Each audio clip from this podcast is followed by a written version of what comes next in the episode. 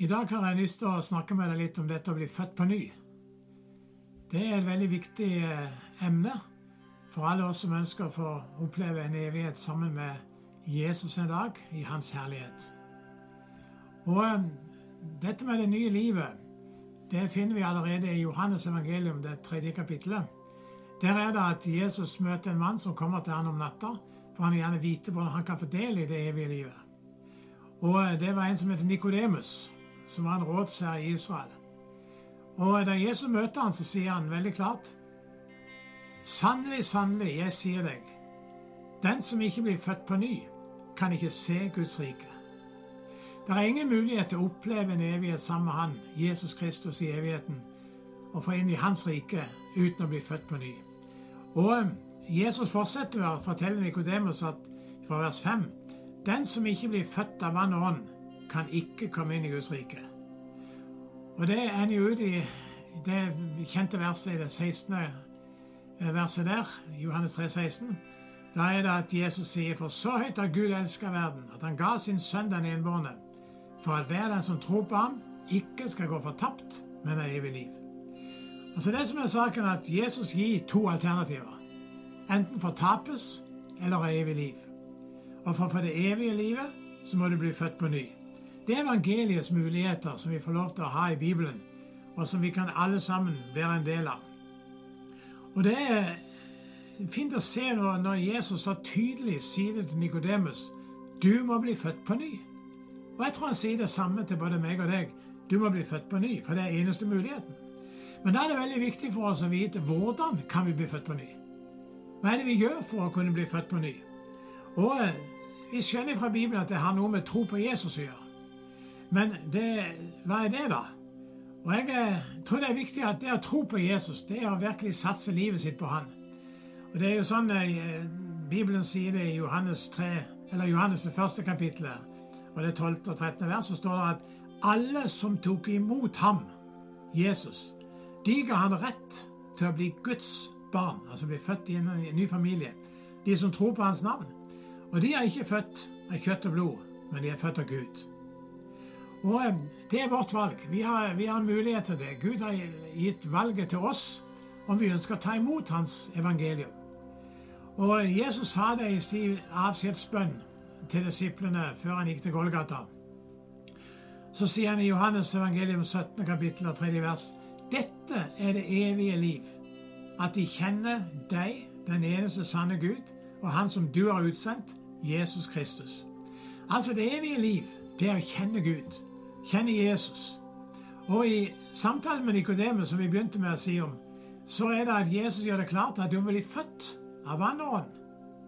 Jesus forklarte også der at ånden den er usynlig, akkurat som vinden. Du hører vinden suse, men du vet ikke hvor den kommer ifra, eller hvor den skal gå hen. Og Sånn sier Jesus det med, med ånda. Du kan ikke se Den hellige ånd, du kan ikke se Guds ånd, men du kan merke virkningene. Du kan se hva du, du kan oppleve effekten av den. Og Dette er det som er et verk av Guds ånd når Han begynner å bevege seg i våre liv. Da vet vi at vi er født på ny. Den første talen som ble holdt etter at Jesus hadde fart opp til himmelen, når de skulle ut og presentere dette evangelium for folket, da er det at eh, Peter han eh, står fram, og han eh, taler til, på pinsedagen. Det var ti dager etter Jesus hadde fart til himmelen. Da er det han sier det, Når han forklarer det der i talen sin, så sier han i Apostlenes gjerninger 2.32.: Denne Jesus har Gud reist opp, det er vi alle vitner om. Han ble opphøyd til Guds høyre hånd og mottok fra sin far Den hellige ånd som var lovet oss. Den har han nå øst ut, slik som dere både ser og hører. Det var noe som hadde skjedd med disiplene. De hadde blitt totalt forandra fra det de var før de hadde fått del i den opplevelsen av Ånden på den dagen. Og Han fortsetter med å og fortelle dem, de, de, roper jo på han og sier hva, 'Hva skal vi gjøre da?' sier de.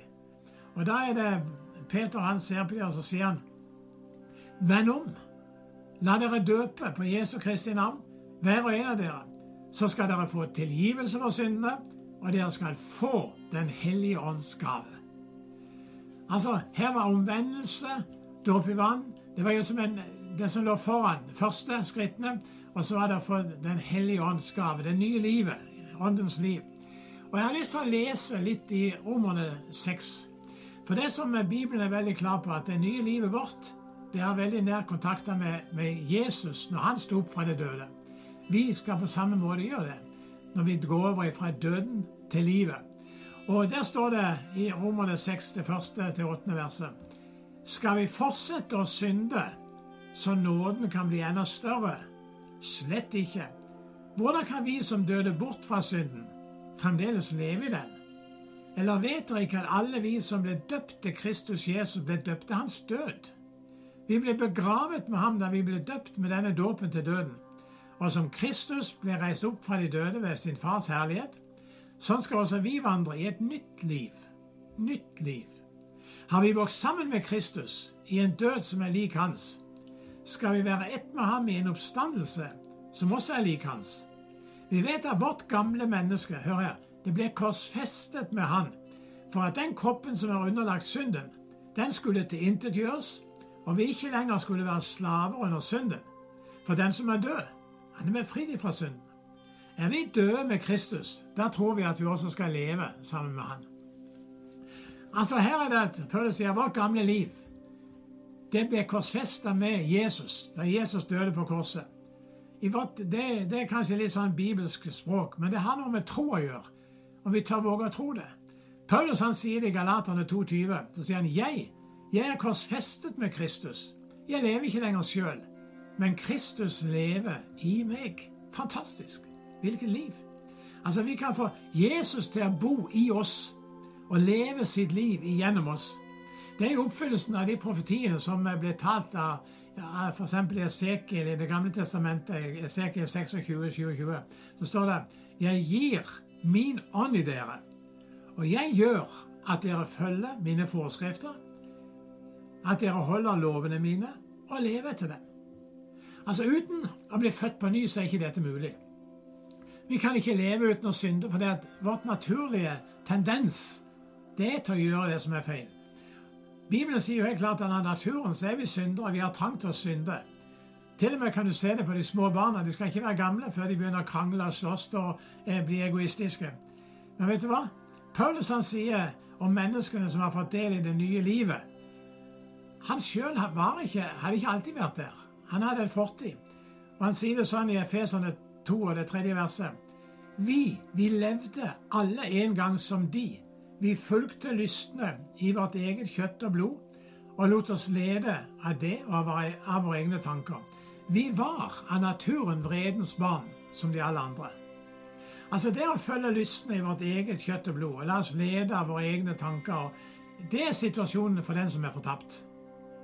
Uten å være født på ny, og uten å ha fått det nye liv i oss, så har vi ingen mulighet.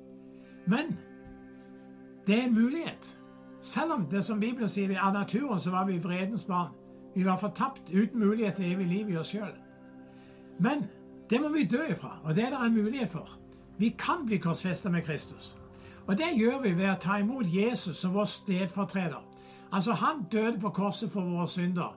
Men vet du hva? Vi kan også dø fra vår gamle natur ved å tro på at vi ble korsfesta med han på korset. Det å tro at han døde på korset, at vi døde med han, det skaper noe i deg. Den troen identifiserer deg med Jesus. Og det, Vi lar oss begrave med dåpen og bekrefte det, og så oppstår vi for å vandre et nytt liv med Jesus levende i oss. Jeg har lyst til å spørre deg, er du født på ny? Har du fått det nye livet i deg? Jesus sa til Nikodemus veldig tydelig du må bli født på ny. Og han sier det tilbake, det samme til både meg og deg. Du må bli født på ny. Og det gamle, naturlige livet vårt det har nemlig ikke noe evig liv i seg. Det har ikke noe som kan leve sammen med Jesus i evigheten. Det, det har ingen sjanse. Vårt gamle legeme det vil bare gå i grava, og det vil bli jord igjen. Men når vi slukker våre øyne, lukker våre øyne og dør, så går vår ånd dit vår Herre er. Hvis vår Herre er Jesus da, så skal vår ånd gå rett hjem til Gud. Og vår ånd, og vi har, vårt kropp har vært fylt djevelen, så sier Bibelen vi går fortapt. Men det som er så fantastisk her, når vi får lov til å ha Jesus boende i vårt hjerte, og han er den som styrer livet vårt Han er vår konge. Da har vi det nye livet, en ny ånd inni oss. Og når vi lukker våre øyne, så slår vi våre øyne opp sammen med Jesus. Vi er der i den herligheten som han er beredt, hvor vi kan få lov til å være sammen med han i all evighet. Hvilken framtid! Hvor fantastisk! Altså, Paulus han gleder seg. Han sier i Filippabrevet, det andre kapittelet, 21. vers, og sier han å leve, det er for meg Kristus. Å dø, det er en vinning. Altså, Vi har noe å se fram til, noe vi kan glede oss til. Når vi blir født på ny, så gir det trygghet og mening for livet. Det gjør at vi frykter ikke for døden. Vi kan få lov til å glede oss til vi skal flytte herifra. Vi har en framtid som vi kan se fram imot. Det gjør at om vi opplever mange vanskeligheter og problemer her, så kan vi feste blikket over det og se på det som ligger foran oss. Jeg vil gjerne si til deg i dag om du ikke er født på ny, så ta imot det nye livet i dag. Du kan gjøre det der hvor du er, uansett hvor du er. Og eh, det er, det er et under som skjer når du, når du, tar imot det nye livet. Jeg har bare lyst til å lese et par vers i 1. Johannesbrev, det tredje kapittel, 9. og 10. vers. Så står det Den som er født av Gud, han gjør ikke synd. For det Gud har sådd, det blir i han. Han kan ikke synde, for han er født av Gud. Slik viser det seg hvem som er Guds barn, og hvem som er djevelens barn.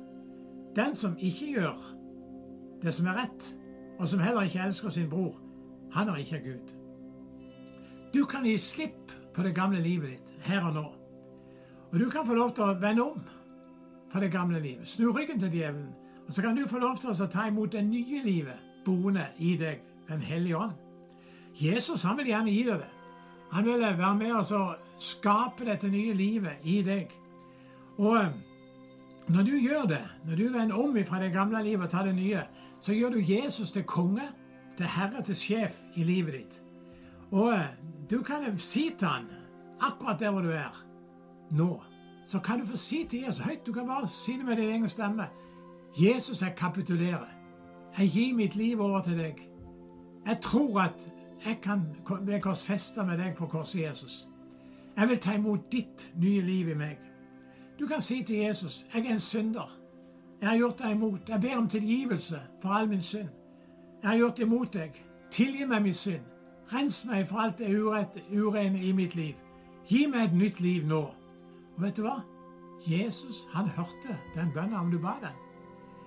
Jeg tror at Jesus han vil berøre ditt indre, ikke med veldig mange følelser, men med denne trygge vissheten om at du nå skal få lov til å gå sammen med Jesus fremover.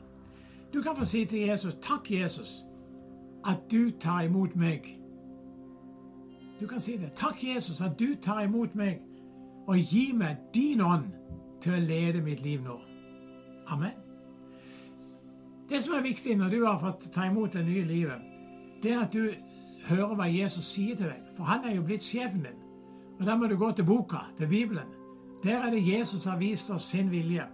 Bibelen det er Guds og Jesu ord til oss. Det er hans veiledning, det er hans advarsler, det er hans trøst, det er hans oppmuntring. Vi har hans ord til oss der. Og Jeg anbefaler at du begynner å lese fra dette første Johannes brev som jeg allerede har sitert ifra. Det er nesten helt bak i Bibelen. Du er nesten helt framme i åpenbaringsboka når du kommer til første Johannes brev. Men jeg syns at de fem kapitlene der de har så mye å si om det. Dette å bli tilgitt, å bli rensa, det å få et nytt liv, og det å få lov til å vite hvordan du kan være sikker på å vite at du er født på ny, at du har fått det nye livet. Jeg vil anbefale deg å lese de fem små kapitlene i 1. Johannesbrev. Les de fem ganger. Les dem fra begynnelsen til slutt fem ganger. For det, det å lese Bibelen mange ganger, det gjør at du hele tida får nye ting. Det er en meditasjon. Du mediterer på det, du tenker på det. Du husker det igjen når du leser det andre ganger, når du det tredje ganger. Kanskje når du leser fjerde ganger, femte ganger. Så får du noe nytt, så ser du nye ting. Les 1. Johannes brev, alle fem kapitlene. Og så skal du bruke tid til å snakke med Jesus. Tal til han. Og det, Når du har samfunn med Jesus, det betyr at du snakker til han i bønn, og så snakker han til deg i Bibelen. Du prater med han, du spør han om noe, og så kan du finne svar i Bibelen. Du kan få lov til å samtale med Jesus, ha fellesskap med han daglig, og oppleve at han vil være din hjelper. Når du taler til han i bønn, så får du svar i Bibelen. Les den. Lev for det nye livet i deg. Og da er det en evighet foran deg i herlighet som du kan glede deg til. Må Gud gi deg en god dag. Lev i det nye livet med Jesus som Herre, og gled deg over det. Amen.